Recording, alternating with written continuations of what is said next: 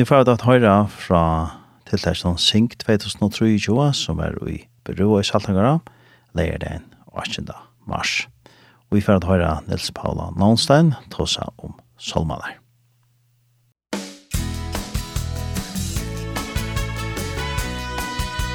Du lortar etter Tjei, Kristelig Kringvarp.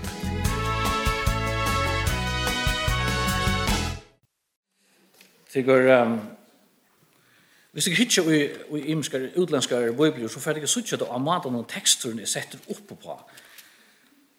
Hesa fer er da beina mun og beina og holdt av munnen holdte, hon skal eita kvinna, tog jeg mannen er en tidsin.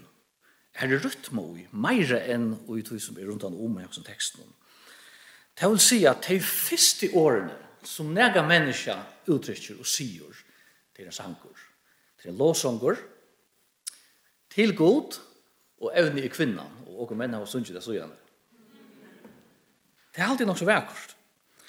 Og herren har givet åker menneskjon ødlån generelt han den her sannsjon.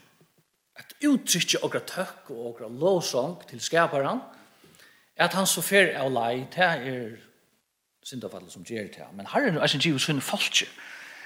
Hese oppgaven halda afram at synsja om det som han hevur gjort her, og om han sjálvan og og kunna synja fire kvarn øron til kvarn annan og saman vi kvarn øron. Og brukar det sanjon til uh, morgumat. Jeg vet ikke om det er sunnsjon til morgumaten her. Halte ikke ordentlig, ja. Jeg vet ikke om det er her eh, som faktisk er i Salmen 23. Minnes ikke? Ja. Du reier firmaer vår. Så det er som som hitja, ok, hver er fudgjende nå? Um, Jeg har ikke vi har noen fudgen der, så jeg, jeg synes ikke det av hjertet. Um, men så kunne eisen bøybel synes han ikke ble øyla populære og kjentur. Minnes du ikke Bonnie M? Mungene sjå minnes. Hvor langt etter skulle du så? By the rivers of Babylon. Jeg får ikke synes jeg for det godt. Ja, vel ikke veldig godt. 88. Nok så langt siden. Og han er opprunnelige en sånn Rastafari-sanker som hun gjør populære han alt seiten fra John of Fjers. Hatt Salmon 123. Vi egnar i Babel så vi til gråte. Det har hatt her spenne, og i midtelen ta første sannsjon, og i opphavet, og ja, lykka til til sida og gradande vi einar i Babel. Så langt jo sanker om veri i middelen herrens folk, og han lever og i beste velgående enn. Og til halvtid er det vekkurs til å hukse om. Det som jeg får gjøre nå, her løtene fram til klokkan halvgånd, Det är sia sinter om det teoretiska. Så heter det han Torre Parstrum som man kan säga det så läsnare. Det tror jag det liksom man lirar nägra av nu på en vägen. För att ha sagt också stortlöt. Men ni vann det har varit gott och det har varit för herran som kommer fram. Och han var det som jag huxar att göra det på. Det är att sia lyder sinter om Salma Bouchina. Inte för något. Här kan sias öjla nog. Och därför har vi öjla torstelsust. Jag råkar vi att gå nöjda sig flera för att här färden i mitten Hvis det ska gløya nyer. Så jeg får röna att vara sejsnar. Han blir, han blir stort i samband vid, vid introduksjonene, Og så får jeg særlig å legge den da, at det finnes flere imisk slø av sankum. Og det kan inspirere kunne jeg synte bare tager hjemme ved hus. Jeg sier ikke at samansetningen av sjølve Salmabodgjene nødvendigvis skal diktere til, men kanskje at det kan gjøre noe fiff. Så tjøt jeg her, kanskje litt sint lydskrift, i fyrir at, at vi sa, eh, lydet sint til etter her. Så tann bøtjen som går i bøyplinne heva som salmaner, eller salma bøtjen. Hette her er faktisk bønar og sangbøtjen tja gjøtun, særlig enn i atan utlegtna, tog at hans nær salmer som vi vuste til, By the Rivers of Babylon, han er faktisk istur til togina tøy tøy var utlegt, etla atan og Så den samlede bautjon som dere har her, hette her i bønar og sangbautjon, tja at atan er utlegtene. Og selv om det er imus kommer fram og undan, det er at Moses hører i en salm, det vil si at så er det kanskje 1500 eller så løsner i Jesu føying. David hører i salmar, det er om tusen, Og så har vi en Salomon som er salmar, Asaf og Kora, nøglunda samme tøyarskaj, og så hendan her Salomon, vi einar i Babel, som Salom 123, som er fra cirka 400 år, tror jeg. Så det er veldig spennende i midtelen, kanskje 800 til 1000 år i midtelen. Det er ikke noe som du skulle vite, men bare kanskje ha en kjensli av at uh, Salman er samlet til imenska tøyer. Uh, jeg viser dere nå ute fyrra, hvis dere ikke ute nyere her, så kan man si at dette kanskje det som er hent. At 18 av David, her vil nemlig sagt, dette er enden av David Salomon i sjálva salmabogen. Tog jag kan fæta när att näkra David Salomon är samla i långa och han säger att tog kanske stort att han av Salomon ett långkron här. Men så är det at Asaf og sine kåra eier flere eh, sanger i Salomon og i middelen 3 og 4 og 9 fors. Det kan huksast at de har haft en andalig revival. Kanskje under Ezekias kongi, at de så har samlet seg sangene og brukt de lovsangene til herren. Og hatt kjenner dere eisene fra moderne er tog, hvis jeg heter etterferrande, og går videre til ordentligene. Men og kjenner til at ta og andalige vakninger er, ta for at ikke, ta for at gjøre sannsjord, ta for at samla sannsjene i bøker og at gjøre det ut. Ta sørste sannsjene fra Salmi og Fems til endan her, holdt rusk. Det er nok sånn at man er navnleser. Kanskje er det tog at her har vært sungner av folk som har vært utlegt. og det har vært ferast fra mann og måned, Og man har ikke sett lukka som copyright av og til å fære, så man har ikke ordentlig finne nøvnene vi. Kanska, og vi vet ikke ordentlig så øyne nok om detaljene og i, og i snere sauna salmanar. Um, tar man leser salmanar, så legger man merke til at her er bøkter oppe i fem, akkurat fem bøker, akkurat som sværet til Mosebøkene. Og det ser man mittel annet ut fra det som heter doxologiene, doxa merke dord, og doxologi er at djeva gode dord, at djeva honom lovprysan. Så til døms at han har første bok, Salmer 1 til Salmer 41, her stendur sista verset, også i der, i Salmer 41, Lov av Herren god Israels, og så vujare. Og til samme henter at han har 42, 94, 106, og til aller sørst kan man si at alle salmer eh, 106 er en lovsanger til Herren, alle som han er. Inni i salmerbåten er i eisen søvn, man ser Davids søvn, salmer som er lagt til saman, som er av David. Så er det hattøyer for salmanar. Ta det er ven igjen til Jerusalem og halta høgtøyer. Så synes jeg det er salmar. Etla er så famøse halleluja salmene som kommer til aller sørst. Så begynner vi halleluja. Så hatt det lydsynder om uh, det, det tekniske i, i salmen. Man kan gjøre en øyne nok mer på sjøer, men jeg halte at hatt det her skal være til. Så halte det for å gjøre hvis du kan løpe mer. Ha? Prøv å se. Ikke nå? Okej. Nu, det er flere imisk salmaslø. Det er imiske sanger. Hvis det ikke hitja i sangbåtsina, um, har vi snakket bare her, så synes jeg at hun er deilt opp etter imiske kategoriene. Altså, som handler om Herren, Herren Jesus, breibrådingene, kanskje aktiv vid dop, eller andan. Det vil ikke si at den kikste pastoren i okra sangbåk. Man kunne kanskje være sin større hos i kjolvor, men det kunne kanskje prate om det er å få med kaffe. Um, og på samme måte er i Salmonen, imisk slø av Salmonen eh, Peter Hansen för att ta som tar messiansk salvan, tar som pekar mot att Kristus skal koma. Og her er en illbullan salmar, ska jag fortälla dig syndrom om? Ja, jag är klar i det, Jag gärna vill veta syndrom om det. Eh, salmer 100 och 23, och graver in i ahånene, Alltså vi ägnar i Babel här så vi och gråt och tar vi mynt och syona. Det traumatiserar ju folk som, som uh, bia och som syns till Herren. Minns du hur salmen ändar? Ja, og kjenta verset stender, Herre, minst bøtnen etoms, det er Jerusalems, Taimon i ropte, røyve nye, røyve nye, løyka i grund. Ta Jerusalem skulle ha lagt i øya. Minst herre, hva de gjør det og søttet han det igjen.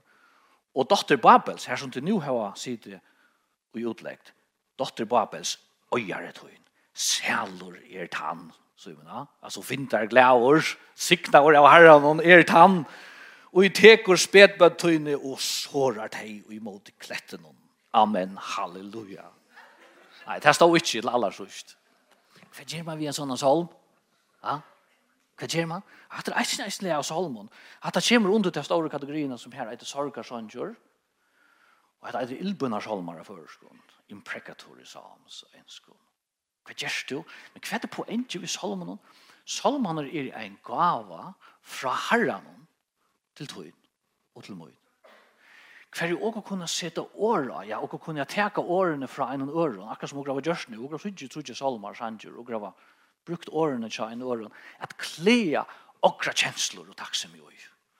Så lovsanger, det er første her på hebeint, det er lovsanger til herren, hver gleden sprutlar, det er ein solklaran, skufryan det, og i fyrjon, ta i det ankar, og det er heitt, og han hoksar, fyrjar er besta landi at byggva ui, og herron er han største og beste lodron og i munne løyve. Prøys var jeg til, jeg gledes i herran, alt godt er kommet munne lei, og at det var samfunnet vi herran, at det harmonerar, det er så vekkert. Men så kommer sorgen, så drir det fire sol, skutsjene kommer av luftena. Sorgen vidtjer og i imskon formon. Herren tidsis langt bostor, og neien er kommet av godt. Ta sindsjukur sorgarsøndsjur. Og i midten her, her sorgarsøndsjur er det enda illbønarsøndsjur. Altså, ter løtene hver du føler, jeg skal så knullva han til. Og hvis jeg ikke kan gjøre det, så skal Herren bruka syna meg. Og han skal så såra hendan her personen, han skal ikke sutja dagsens ljós, ljós atter. Jeg hadde ikke huksa det. Nå har gått det, det blir ikke å si. Onga detaljer, takk for det, takk, takk, takk. Altså, Herren har givet seg noen folk i negra sannsjør som er til terløtnar hver og føla. Jeg må klea mine sorg og mine vreie i år. Jeg kan klea det i år fra Herren. Jeg kan si etter her vi Herren. Det er søtt i uskjøsmennet. Det som er viktig til å ha i hodet, det er at dette er en gave fra Herren, som åker av finnet, og åker bæra honom åker frustrasjon. På samme måte som åker glede. Og først ut og hevna. Hette her er ikke en oppfordring til jihad, heilat krudj. Hette er ikke en oppfordring til affæra til Babylon og såra alt de som her byggva og idea. Heldur ikke nabyggvann som har irriteret det og gjort her okkurst forferdelig. Etla kollegana av arbeidsplassen. Etla omkring annan som har gjørst her så virkelig er så illt at du huksar jeg har slett slett ikke potensialet til å fyre djeva jeg snart for personen men hva gjørst du? du fyrir til herren vet du og sier herre hevnt hun høyre her til men hvis jeg kan la mer djeva til enn ra Sørst du? Så er dette det som jeg føler. Okay? Og så leter du til å lytte til herren. Han skal teka seg av tog. Du får ikke sjálfur gjøre det til at hevnt og når harran til. Han skal løna. Han skal nokka seg teka seg av oss nær. Så harren er faktisk givet sinne folkje ilbønnar sannsjør. Så må ikke sinnsjå av møte om vanlige. Jeg vet ikke om det er ångte gjørs det.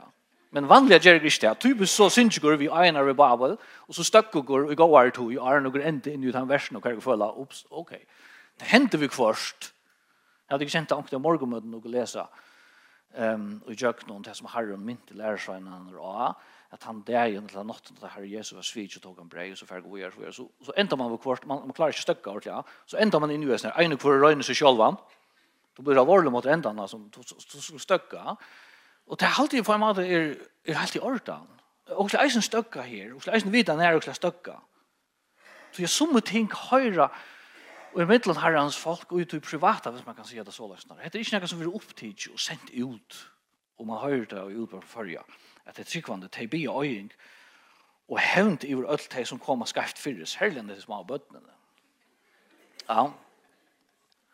Men også tenker det seriøst, også tenker det til som en gav fra herren, ter løtene og er jo i myrskaste, myrskaste kålkjattlere og hoksa.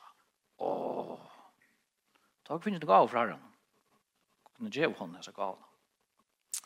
Og han tenker om åter, og han sier, du skal ikke være stedet etter vi henne, etter min, la meg ordne til. Så du får stedet etter.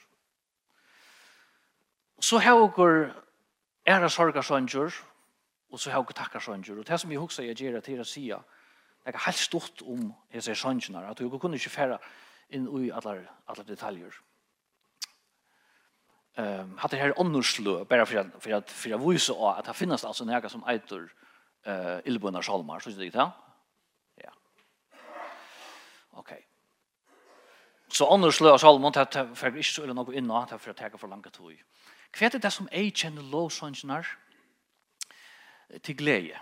Alltså till er tacksam med Herren för att at løyve i vekkost, og jeg finns ju løyve til big bygge hans har verset, en god god, som er omsorgen for mer som älskar mig løyga helt inn i og som vil givet meg løyve til å kjenne seg personlig.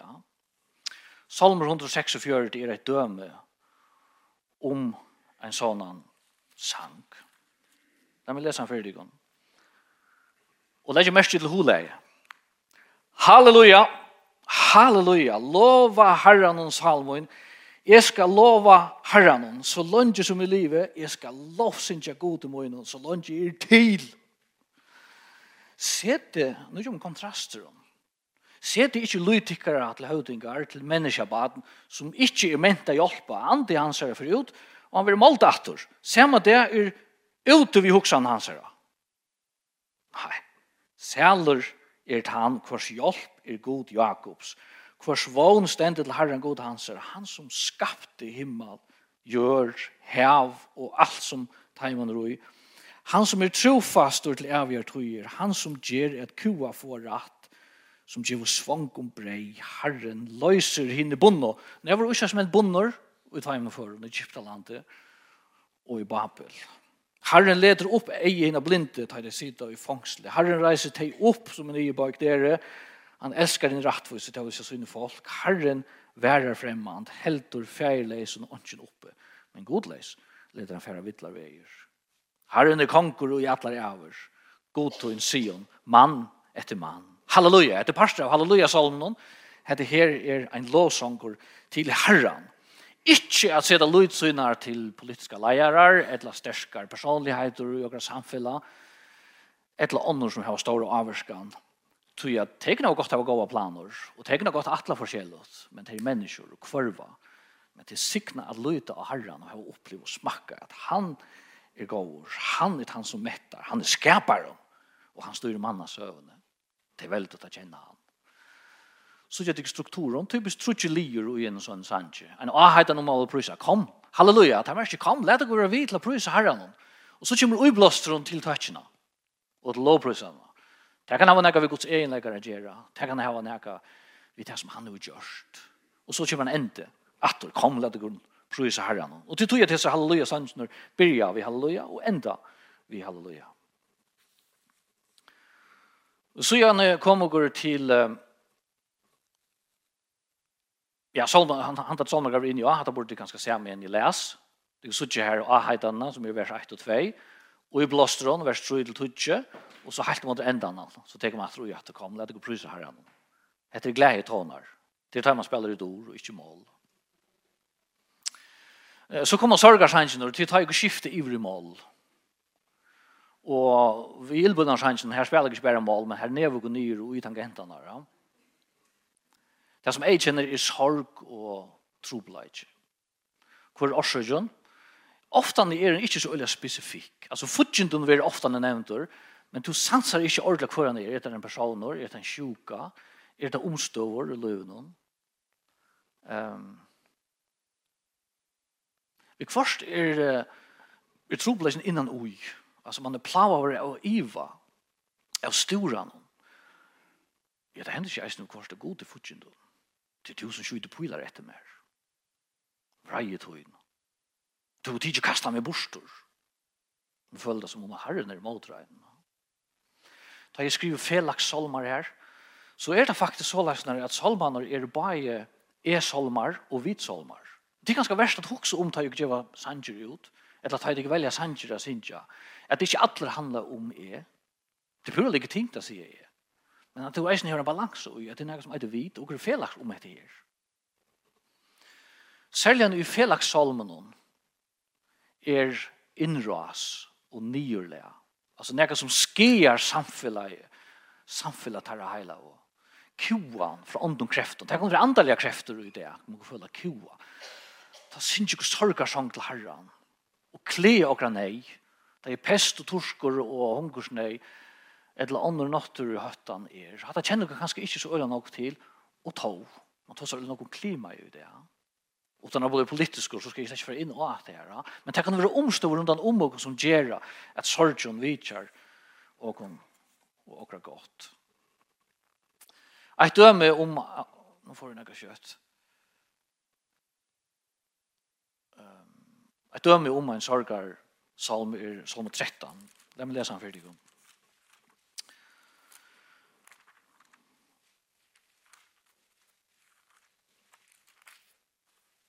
Salm 13. Det er en sorgarsalm. Til sangmasteren, en salmor etter David. Og til mersker intensiteten.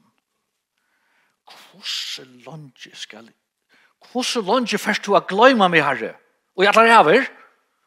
Hvordan landet først du har fjalla anlidet for meg? Hvordan landet skal jeg husa storan i salene? Angest du hjertan om det etter det. Hvordan landet skal fudgjenten gjøre seg storan i meg? Hikk nyår, sværa mer, herre god min, løys opp eie min, så jeg savner ikke deg anon. Ja, så fudgjenten min ikke skal sija, jeg vann han. Så avvinner min ikke skulle råpe og glede ta i rige. Men jeg lytte av nei tøyna. Hjärsta mot ska glädjas i frälsetøyne. Jeg skal lovsynja herran og fyre at han var mer gård. Nu, han er jo ikke oppleva utfrøyene enn. Disse personer er stadigvæk i neiene. Og han uttrykker sina gremjan og sina klæver for herran. Han øyser sitt hjerte ut og spyr herran. Hvordan landje? Hvordan landje skal levere uihessen her? Men han uttrykker samtidig et alit. Jeg lytter han av i tøyna. Det er trygg det er alids uttrykk. Jeg ja, enda han visse, han sier resten av oss nere, Hjarta mot skal gleast. Det er nekka som fyrir at henta. Han er stadigvæk mitt i sorgene. Det er stadigvæk mist og solen kvarvor. Men herren er at han fyrer ångstande. Han er alida tog at ena for skal han lovsynge herren og fyrir at herren greip inn og gjør det mån. Så sorgar sången vi har sunget om mitt men og er i myskrenom. Ikke ta jeg å vite hvordan det er for et enda. Til ta jeg å oppleve sorgene. Og vet du hva? Hette her er den største kategorien av salmon og i salmonbogen. Det er trus eller flere av hans lennom. Det vil si at en øyla store part av salmonen er sorgarsalmer. Nu, det dikterer ikke at det er sorgarsalmer som skulle fytle og møter. Så hvis vi kunne synge fem sanger, så skulle gussesur tveira at heima være ordentlig i mål og gjerne onkron her som du sparskar etter onkron instrument til oss øyne. Hette dikterer ikke det. Men, i minnes det en psykolog sier en av denne nyrre, at det kommer folk til åker gudstjenester og møter som ikke orsker hans glede i sannsene, for det er slett ikke her, det klarer ikke ro med sånn her, men synk omkran, som lyser neina som man kanskje være ui, og at Herren greip inn. Det gjør dem godt. Og kanskje er det flere som har bruk for det tog. Er det ikke gos året at sendre til bedre for sorgarhus enn affæra til et gild eller så? Kanskje er det sannhet ikke ut. Jo, det betyr ikke det, at så skulle ha ordentlig døper møter, og gjerne trekke gardiner fire og så gjør det. Det er ikke her greier det. Men kanskje ligger noe ui her som dere eier det hoksa om, at det er en tørvor. Saman og individuelt, at sitte året og akkurat sorg. Så skulle vi det sørste. Um, Hette takkar svansjoner. Hette Hette her er sannsyn som vi synes at ha jo grav å oppleve Guds nøye og hans herre bjergjeng. Nå, det er ikke ødel hese liene, hese fem liene som er jo i ødelen av Salomon. Og man skal heller ikke leite etter til nødvendigvis, for at holeie kommer ofte nok så tydeligende fram. Men her er typisk en innleiing, nei om vi er lust, en aheitan, en ombønd til herren om hjelp. Og så verer bjergjeng jo lust, heter atan av man er bjergavra, man beskriver hvordan herren greip inn, og man endar vi en en lovsånge. Eh, jag vet inte om Mr. Salmer og Veri nægget drikk för att läsa att det här är Salmer 116. Um, men kanske jag kan läsa också det av så att jag kan få en kjenslig av det. Jag älskar Herren. For han høyre rødt møyne og bønne møyne. Altså, han finner bønnersvær i snir. Ånevntur, ikke Jeg elsker Herren, for han høyre bønne møyne og rødt møyne. Ja, han har bakt øyra til min, og alla tog mine skal jeg akalla han. Så beskriver han hvordan torførst det vær, bond deians, vår i omme. Antjes deia rujtjesins hei gripe meg, og i trångt og nei ver stator, som om at deian vil personifisera, hvor hei kastar sitt gatten, sina nåt i han, og dri han inn, og lukk han, og svitt ned. Men det kattla i annan herrans, og herre, bjargas halmøyne, Nei, og rettviser Herren, miskunnsamere god okkara, Herren være einfølt. Jeg var hjelperleiser, men han frelste meg. Salmoen, vi rolig atter. Til Herren er jo gjørst vel vidt det. Jeg tog fruja i salmoen fra deg gjennom. Eia mot fra grate, og fot mot fra fattelig. Jeg skal ganga for, jeg skal, jeg skal liva. Jeg skal ganga for å asjan herrans, og i landet herra som liva. Det tror jeg at vi talar i. Och nøye jag og jeg då. som jeg sier, hvert menneske er liknar Kanskje er fortfarande en person her. Men herren greip i, og så spør han, vi kvarjen skal i lønne herren at la velgjør hans er mot meg. Frelse bygare skal jeg lytte opp og akadla navn herrens. Lyfte mine skal jeg halte herren hon. Ja, så alt folk hans er, sier. Det er ikke en privat bjergjeng, men det er en bjergjeng som sast i middelen herrens folk. Herrens folk en vittnesbord som er fortalter allment. Og herre er jo tænare tøyne, er tænare tøyne, sånne tænas kvinne tøyne, to har løst bånd mine, tær offri jeg takkar offer, og jeg kallar navn herrans. Lyfte mine skal jeg halda herran ja, så alt hans er av folk ser, og i forgrunn hos herrans, mitt ut her i Jerusalem, halleluja. Jeg glad over personer som er bjergaver. Hatt det her det som vi har i hjertet. Og det sørste som vi skal si, det er Hvis det kan hjelpe tingene synder at minnes til disse salmene så nå skal jeg lukke suttje om ikke heida av en av de leitene helt til fremme. Legger jeg mest til den enske uttrykken her, at det her er fra anker bok, men også om du på hendene maten, lovsanger er songs of orientation, to fair orientera til det gode, og ikke som forstyrrer, og ikke skutsk av luften, bare solen, som hitar og djever livsvåner og harmonerar godt. Los Angeles. Lo Songs of Orientation.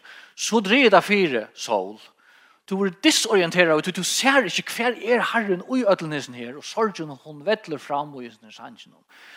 Men ta i herren så hever bjerget der, og trakka inn i hesa støvna, og lost henne og på sin mata. Ta er det at du, at du kan reorientere deg mot herren. Suttje henne nødgjom. Songs of reorientation og till sig takk. Songs of orientation, songs of disorientation, songs of reorientation.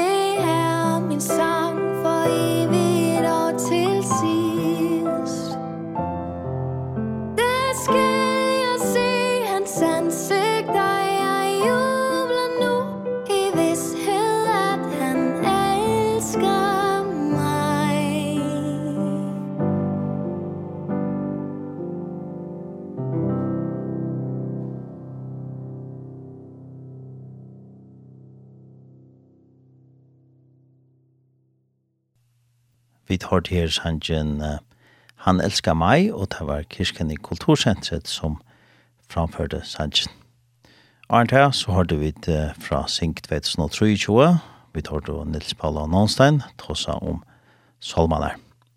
Og vi får halda fram at høyra fra Sink 2023, som er i Berua i Saltagara, leir en 8. mars. Og nu er det Monica Kona Sharp, som fra Tåsa, tåsa, og hon tåsar om låsanker og i Auberton Øtjon, og det kan ganske særlig ut fra Salma 124.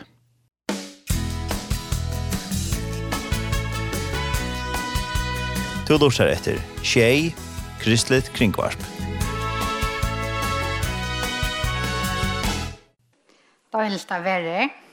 Takk for alle det, og takk for møvløkene og høve. Og da gleder meg ordentlig nekve at jeg synes at jeg har sett og gjerne det viktige evne som tilbyen og tøvnløyker er. Og, og alt tid som er vi i seg tjeneste er til henne så holdt og medelige større sikning og glede og oppbygging til åkken ånder.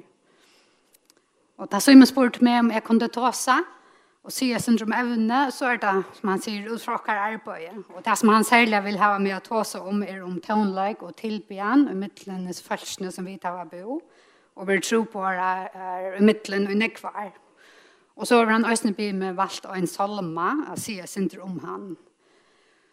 Och jeg har mer som jag börjar vi att se att det är syndrom arbete uh, mittlen palavan og følelsene som vi tar av bo i midtlen och i Philipsöjtsen Og det er en bølger av skoar falskje, flere tusen i tale, man var ikke ordentlig. Det er ikke registreret jeg. Og det lever rettelig primitiv liv som holdt, og det er ikke som er så filippineren som vi sitter her i fargen. Og det er det som man kallar anamister, og det er det man tilbyr andar. Og for faun og Aron og så var det ødel analfabeter. Og de lever øyla primitivt, de lever fra hånden i munnen, og de bygger i smavån bambushytten. Og de har kvarske el eller rennende vatten. Og de er rettlige fatøk som holdt. Og de har sitt egna mal og sånne egne mentan, og de halda seg akkur som nek for seg sjolvi, og de blanda seg ikke nek vi, vi de vanlige eller hine uh, filipinerne og kjolt om ta, og de jeg som helst ikke føre ut ur torra øtje, til at de føler seg bort, til de do ikke lese og skriva, og, og ta i det færre så møter de en følelse som snakker et annet mal og en ære mentan, og de vil akkurat som øyne satt nyere og sintere, og ta imot som er utenfor. Og så er det akkurat som nemmest bare at vi holder seg for seg selv, og Jeg Hese falskene har livet ofte når vi har hørt evangeliet, lykket til okkara dier, og her er stadigvæk nekve etter som enn ikke har hørt om Jesus, en av de øyneste fer, og fellesskaperen som vi arbeider vi, etter La New Tribes Mission, og han har haft tro på det her, og jeg har hatt trus her, men flere tro på her her av imenskene årsøk, og han ikke veri her så lønnsje, så ångte vi så arbeider jeg som dotter nere fire, og i langt tog jeg skal. Og jeg flott her i 2008, og jeg møtte mannen og han kommer her iver, han er amerikanere. Og da jeg flott iver her, da har han langt bo i sånne rettabelsen og skjeier. Og ta vær langt et arbeid og gang til på, og en samkommer vær langt i stenen, og som fungerer nok så vel. Og trobarn hadde givet dem skriftmal og småbrot og skriften. Vi var omsett, og de første var ferdig å at lese. Og och skriva. Och nu har det alt nødja testamentet och parster av Gamla testamentet plus nekv annat tilfell. Och till ösnen kom det en allmän skola som tror på det har hjulpet till att finne sett annat stånd. Men det är sier skole, så er det släckt här som vi får upp i høyt. Alltså, vi er öjmynda och Altså, det er nekv vanligere enn det och det är bara upp till satta flock. Men det är så, så då är några bøtt nu att läsa och skriva. Och Da flott flyttet han har lært meg til Høvesmalig, og så flott inn i stammene for godt 16 år siden, så hadde det nægra sjanger, av sin nekna male. Og dette var nægra av klassikerne, som var omsetter, og troboeren, som Ølja Klauke med som har gjort skriftmale, og han, han er også en rettelig musikalsker. Og han har omsett de første sangene, og, og lært nøkker å spille gitar. Og dette var en ordentlig fanger for samkomna. Det har vært så alt utrolig glad for det her. Og, og i som noen etterbalkon og i Philipsøsjonen så synes jeg det er bare det vanlige som vi kjenner om framtid som man kallar, jeg vet ikke, chanting av enskån. Og det er synder som kinko, kanskje, men lykkevel ikke. Og, Og NTM arbeider også nå flere støvende midlene til falskene som vi tar arbeidet midlene, Palavan og falskene. Og åtte er, åtte av støvende er i Manting, Manti, og her bruker det også chanting. Og omframt sannsnørs til å finne fra åkken. Og det har just det sin dra til til mal er ikke ordentlig lykke. Um, men også, det synes jeg bæge av møtene, bæge av stammen kjente toneløyken, og etter som vi kjenner. Og hvis jeg skal sammenlukne tørre taunlaga tradisjon, vi akkurat som vi kjenner fyrjon, så lyst det kanskje også ikke kjeldtron.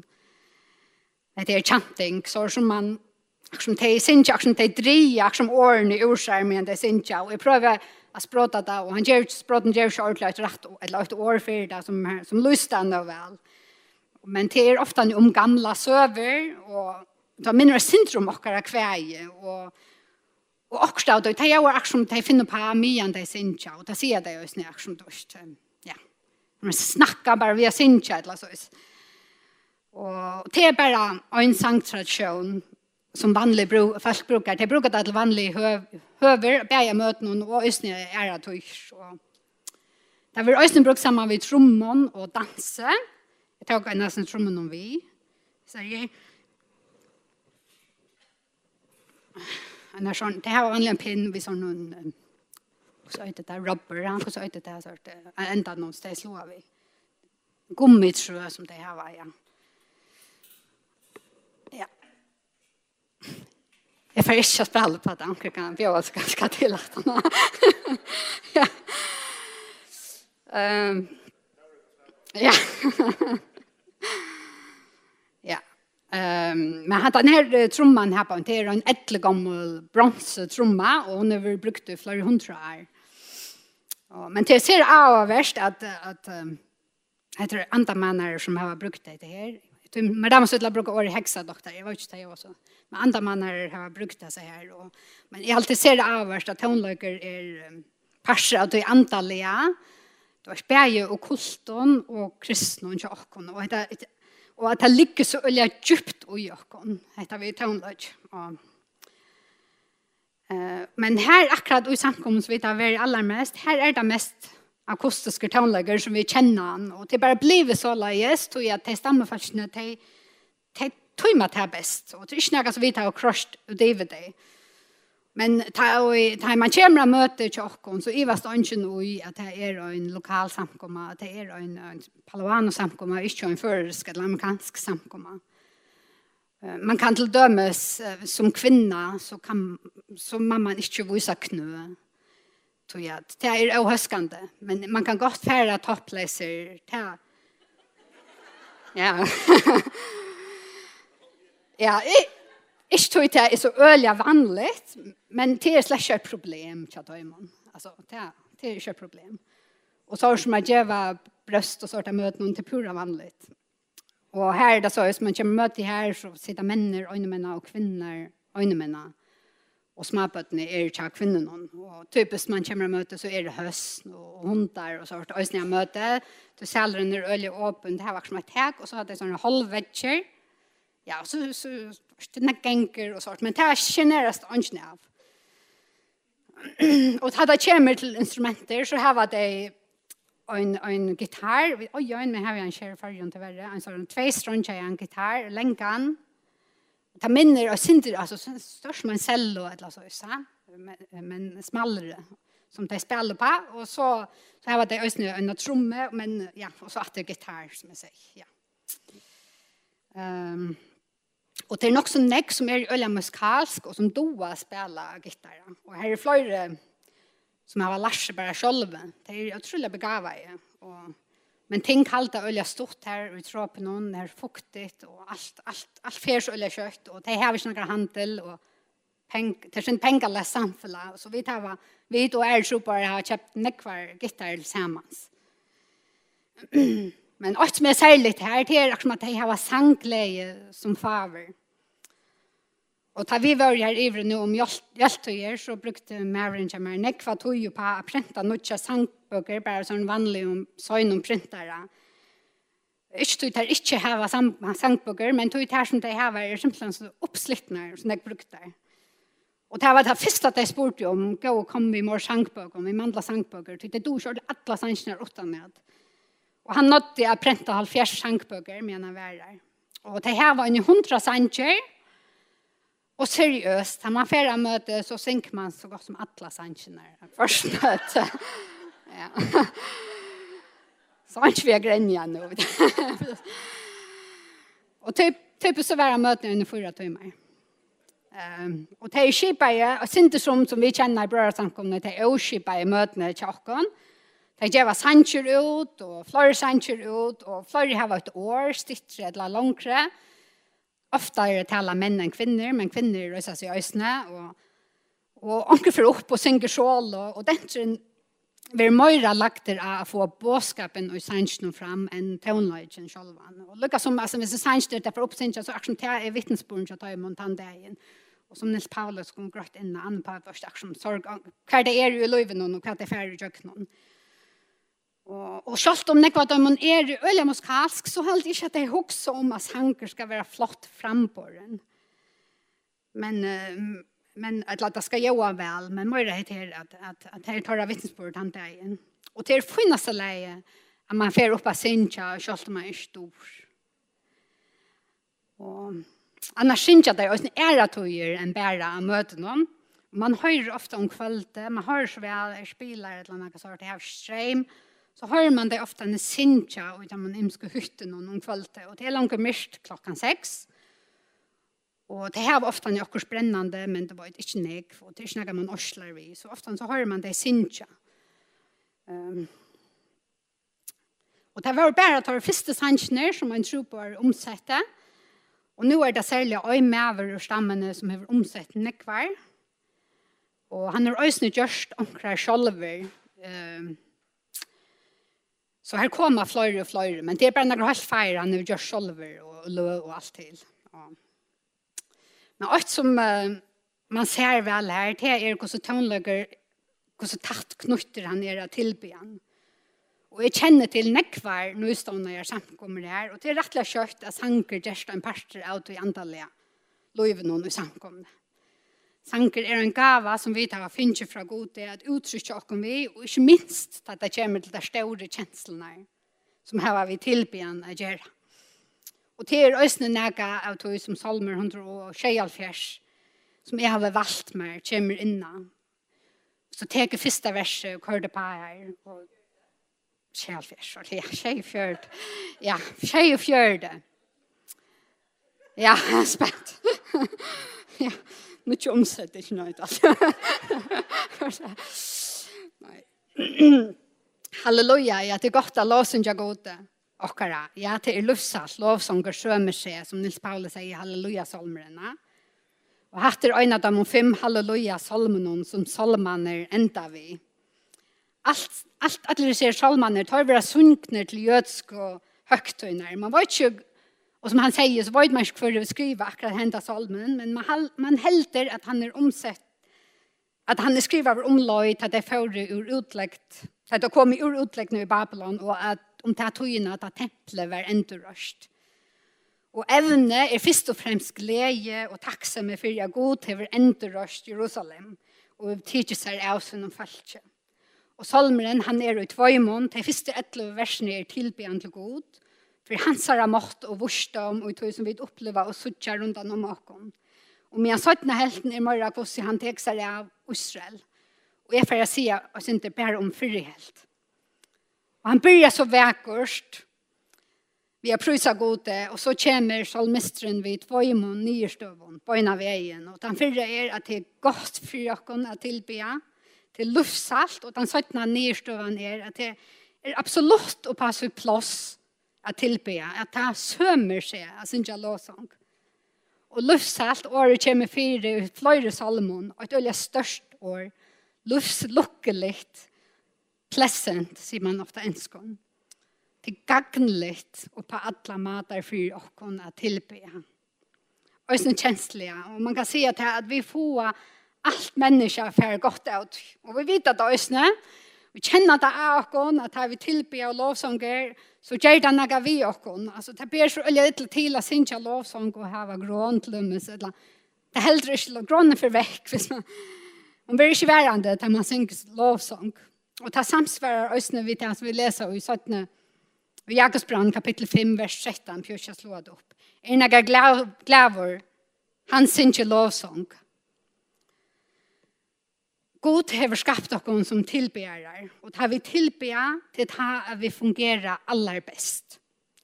At tilbea er møyra enn at sinja lovsong. Det er så øyne nek møyr, okkara luiv, kunne òsne vera og en tilbean, bæra vi at liva som god atla i okkon at liva. Og ta gjer öll noturan, bæra vi at fungera som god skapte henne til at fungera. Og vi leser oss at himlan er kunnskjøra dårdgods. Og kvolve ber på om hantaversk hans herre. Skaparen av alt som det er, er en vittnesbord om Guds ståløyga, og det i navn hans herre høyt, bare vi å fungere. Og vi mennesker kunne nek møyre enn det. Vi tar øyne finner fram og ikke retten, at tilbe, tilvita. Vi er skapt i hans armynd, vi evner og møveløyga til å velge at tilbe. Og vi leser i Isaias 3, 21, Først jo jeg var skapt mer skal, kunngjera brus mot. Og hatta er forratteren som vi har finnje. Vi lever liv okkara for gode, men òsne for makten og myndelagon og i himmelrumenon. Begge tøymon som i forun gjør opprøster med det gode, som vi leser, og tøymon som øyne for å få det omsøgn, Men øysene tøymon som vi tog i overfæra prusa gode sammen vi. De er øysene vittne til okkara og det som vi tilbyr han. Ikke vekkost. Og en affær færd, da suttje han som han er, og ta at okkara naturlige respons fer at vera tilbyan. Vi suttje det etter og etter i skriftene, at det falt ikke suttje goddomlaga hans herra, så kasta de seg ned til gjerra, det klarer ikke å la det være. Og og i himmelen var det låshankor nonstop. Men langt nå, som vi lever sammen med honom, så opplever vi det øyne til at det i bråten hvordan det færer være. Som vi øyne for færer suttja og skilja til fullene. Og det færer okken øyne at tilbyr. Salman har så ølja i imisk år for tilbyen, og til øyne kom inn at her i morgen, at vi kunne prysa honom, Vi kunne lova honom, vi kunne signa navn hans herre, vi kunne tilby han, vi kunne takka honom, vi kunne synja for honom, vi kunne seta navn hans herre högt. Dorda göra upp, litta, glädjas og kunnkjera for han er. Og sikkert alt möjligt att säga som jag kunne tanka om. Og bare et her da vi ferdig til breibrøding, minnesmålt og i herrens, som vi tar så godt av, så minner om noen av, hvor så dårst vi det er kjøpt. Og øyne tar vi gjøre det her, så kunne vi det øyne deg hans her, inntil han kommer, og det øyne sjalvån er øyne tilbyen til hans herre. Og det gjør så holdt utrolig han er godt, først og fremst for dere selv. Og det minner dere selv av hvordan det høyla hun går sammen, det vi tilbyen. Han er iver øtlån, og vi er i hans herre handaversk. Og det er ikke løye at vi øyne kunne tilbe rundt fysisk. Hette vi tilbyen att kasta och ner, att litt opp henter, og så vidare. Og det som har kokar det ned, det stort att det lenge, er at här vi mennesker ständer for god så ivas vi ikke ut for en vedtavent. Ja, til luftsalt er tilbe, men det sömmer seg ösnen som vi sitter her i vers 8. Og mer damer så utrolig vel hendet solmen og det jag minner meg altså noe godt for jeg prösa honom fire. det. Og det første som ischar en vers vers til vers 2, det første som han som han nevner, det er faktisk politisk. Herren bygger Jerusalem oppåt. Han saunar henne spjattet av Israel sammen etter vers 2. Og hatta med ham er vera veldig størst ting å oppleve. Til at falskene var jo utleggt og i halvfjers år, og et halvt mannaløyv, og boiren og tempelet og murene var jo i leson, Og den stolte bøyren vel i vergeleiser, og falskje var koa, men så kommer vent og politisk, hadde vi sagt. Ting for å genga bedre. Vi minnes hvordan Nehemia slapp av bytja murene oppater, og dette var en fantastisk tog i landet noen. Og vi tatt det sikkert bare brukt år som frambor og gauar tøyer, men det gjør ikke er en ikke. Han tackar gode och han kör gode ärna for å bygga Jerusalem upp att och få folk til hem. God är øsne upp i politikket. Han är iver ødlån, och vi leser i åretørsnån kapitel 20 og etter hjertet kongsens er som löjer i håndtarrans. Han löjer det här som han vill och det här vi sannliga ösne kvila och, och prysa gode för. Och det nästa, vi är til vers 3, Det nästa som god prusar, som ikke er en prusar god til fire, det er hvis du kan flyta til vers 3, Han grøyer teg av sundebrott i hjärsta og binder om sær torra. Er kjølja pent. Han grøyer teg av sundebrott i hjärsta og binder om sær torra. God er ikke bare ahover og utom store malen i det politiska. Han er også nye ahover og i okkara hjärsta sorgon. Og vi vet at det ødel som har livane og lønnsje, Og hver skulle ikke bare av erfaring. Og vi har også en hørst om det morgen, noen som bor for en og gjerne, som bæres for kreft. Og det er også en fløyre at, at god er ahover, han grøyer til som har sunte brødder, og han binder om sær okkara. Og det er sånn ekva penar søver og bøyplig øyne om etter hvordan god hever samkjensle vi okkon. Han græt vi systeren om Lazarus, og han visste at han var røys han opp. Han hever ikke bare samkjæsle vi okkon, nøy, han grøyer øsne okkara gjørst. Og i mye han tar grøyer, så binder han om sær okkara. Og det teker ofta tog, og at det er vekkost, og at det er omsorgen. Og til så menneskelig, det er ikke så å slippe undan trångton, men til er det parser og tilbørende. Men øsne og trångton okkara, så ser han til okkon, og Og han gjør oss når vi får tolv trungtene. Og ikke minst så gjør han noen styrke etter vøygløyga, som vi leser om i Hebreerbrann om tolv. Han er vi okken i deian skoggan stelle, og han løyer okken oss og i han. Vers 4. Han gjør av hvordan menga stjøttene er vera, og han gjør tøymon ødlån navn. Og hatt det virker som en øyelig gjerande slik setninger. Og så er det jo väl noen pura, pura ørst, menneskelige tala. Vi er så stolt og vi i okkara vysent, vi gjør okkara så klok, så klarer vi ikke så mye med å telle stjøtene. Det er sånn endelig i allheimeren, men det er han, Herren, som gjør det, og som mengar til er, og hvordan det er øyta, og en astronomisk grunn til at prøyse Herren hon. Og han er en helt ære dimensjon, helt ære dolt, enn det som vi behøver klare att huxa. Och tar vi läsa om skapene av alla hemmen så gjør vi Bibelen någon två år som gröja och kom fra oss här och färdliga stora och det er bara å stjärnorna. Och det ligger så reellig läkt åttan för det som vi klarar fäta och røkke.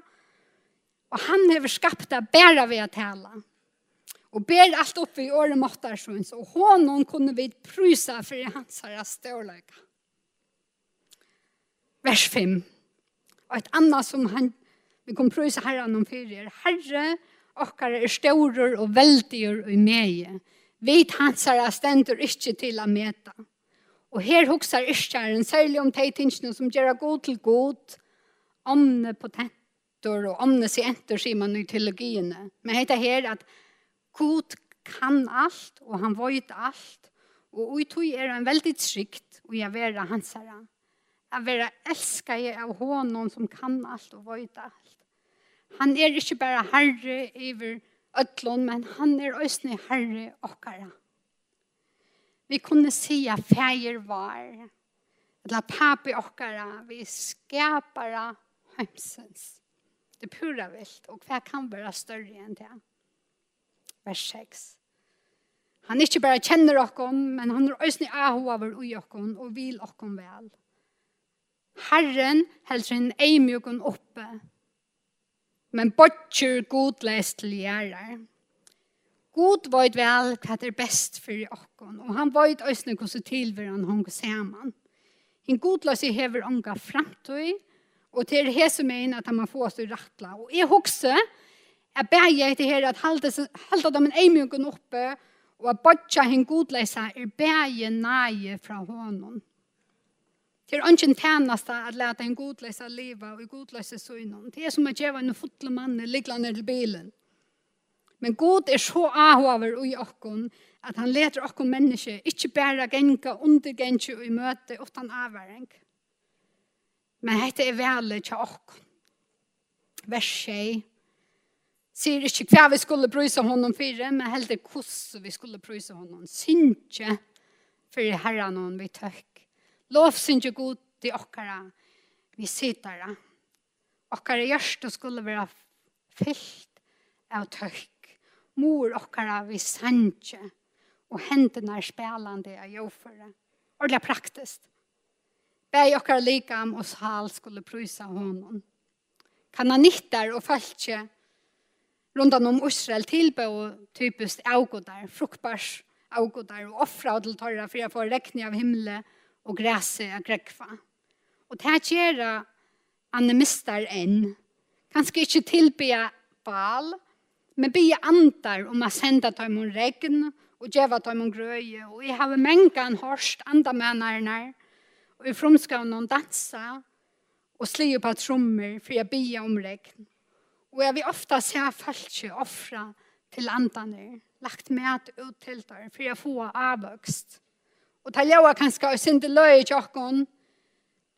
Vi som kjeipa det meste i bonus.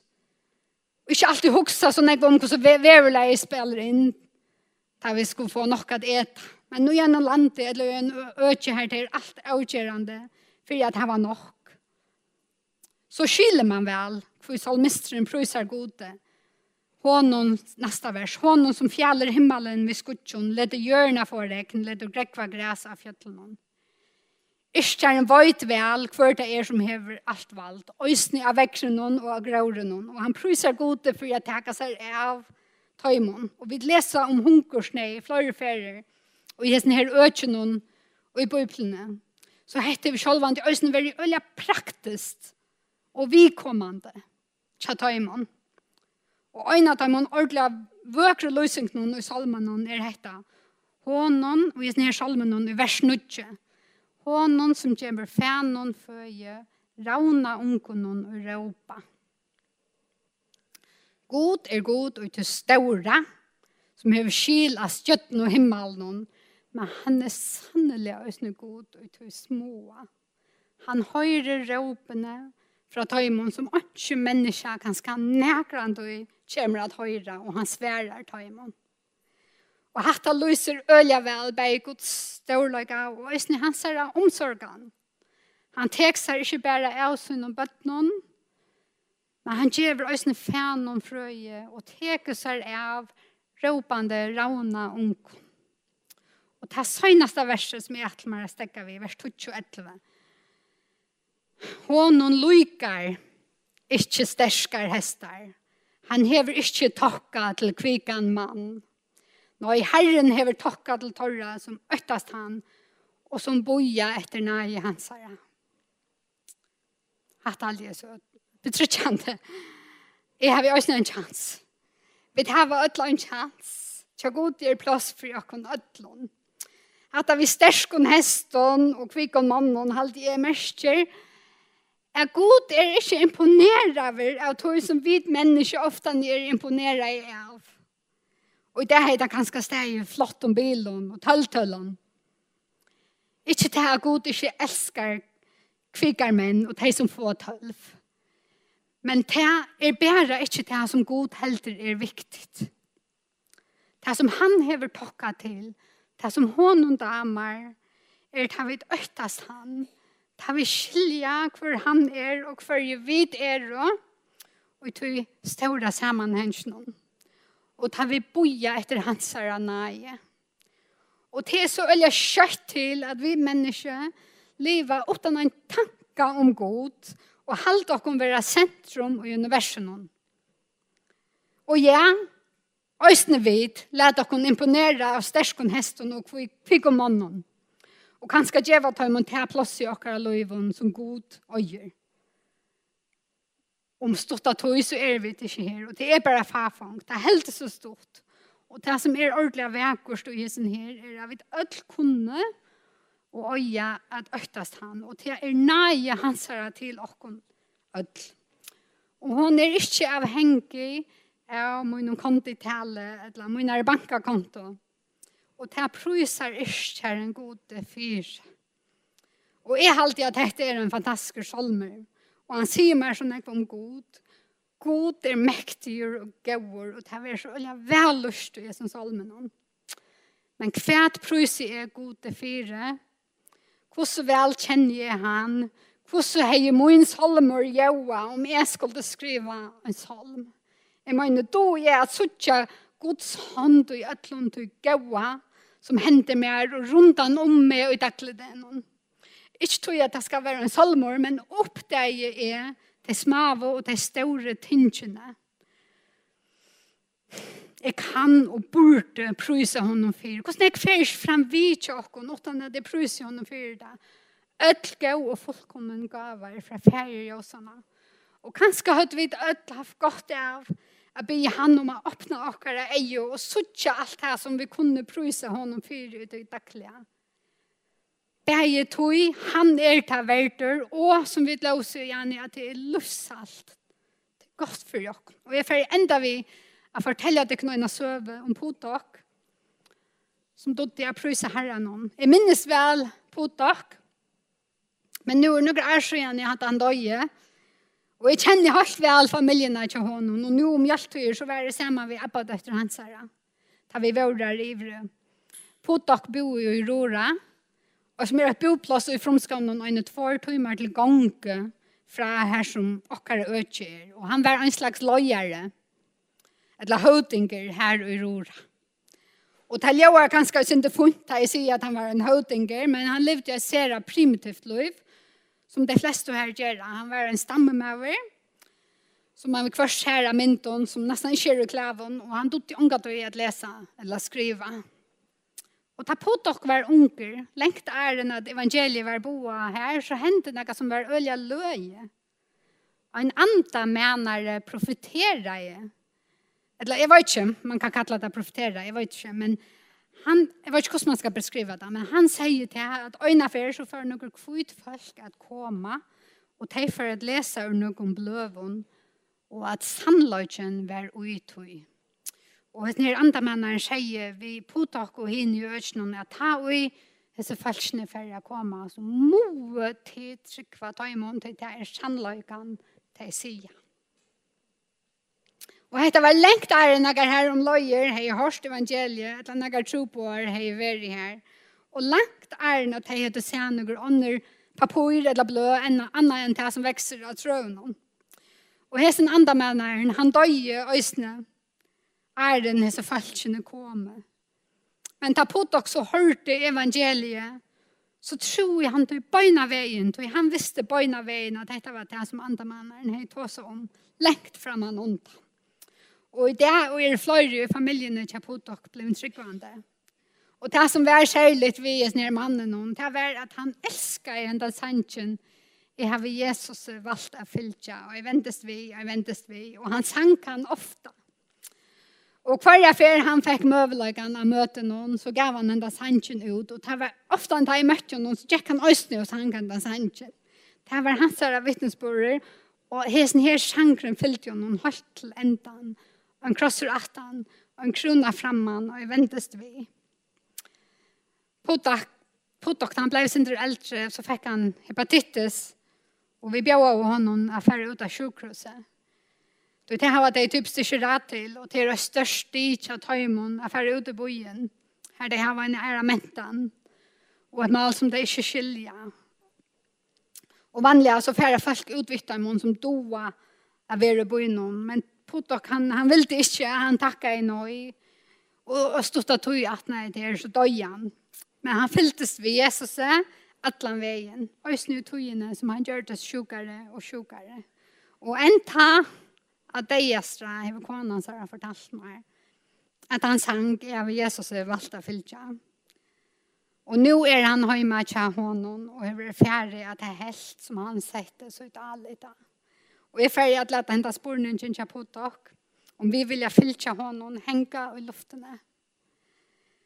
Ikke bare at jeg var tro og ble frelst, men jeg heter her jeg fylkja honom kvendt jeg. At jeg går opp kross hans herre, akon, og fylkja honom, allan vägen heim, og det er är ett vel at fylltja honom. Og det er är en tillvita avgör att han. Han er det verder, og det er ta det vi kunne bruka liv okkara til. Bär for okkon sjolve og ösna till runt om okkon, og vi har spurt Ragnhild og Rebecca om å komme sin kända sangen. Det första versen i på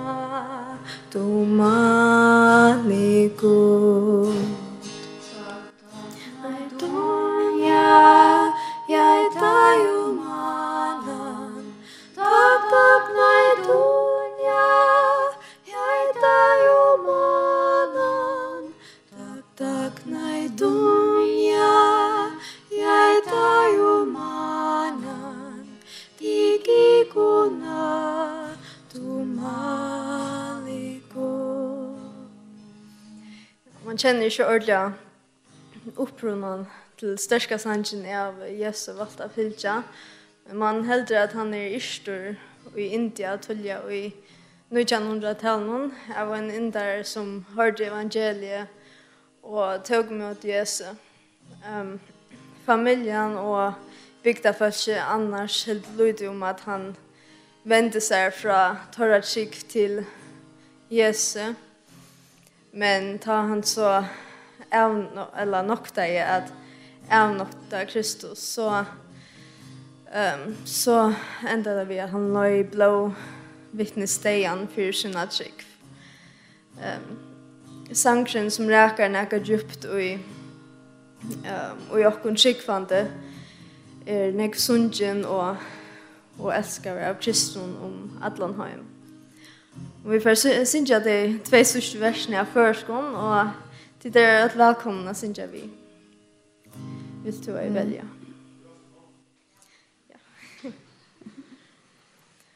Vil du oi velja at fylja honom Vil du oi velja at fylja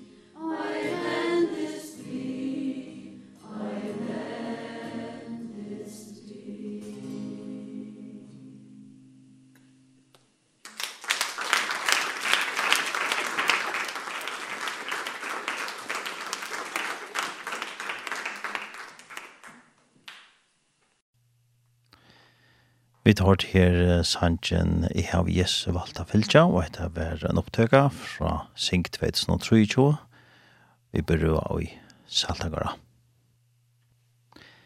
Og vi tar da Monica Kone Sharp, Tosa, og hun Tosa er særlig ut fra Losanker og i Aberdon, Øtjon, særlig ut fra Salma 124. Her hånden med avren har virka som trobar av Philip Søtsnå, og i Nekvar. Musikk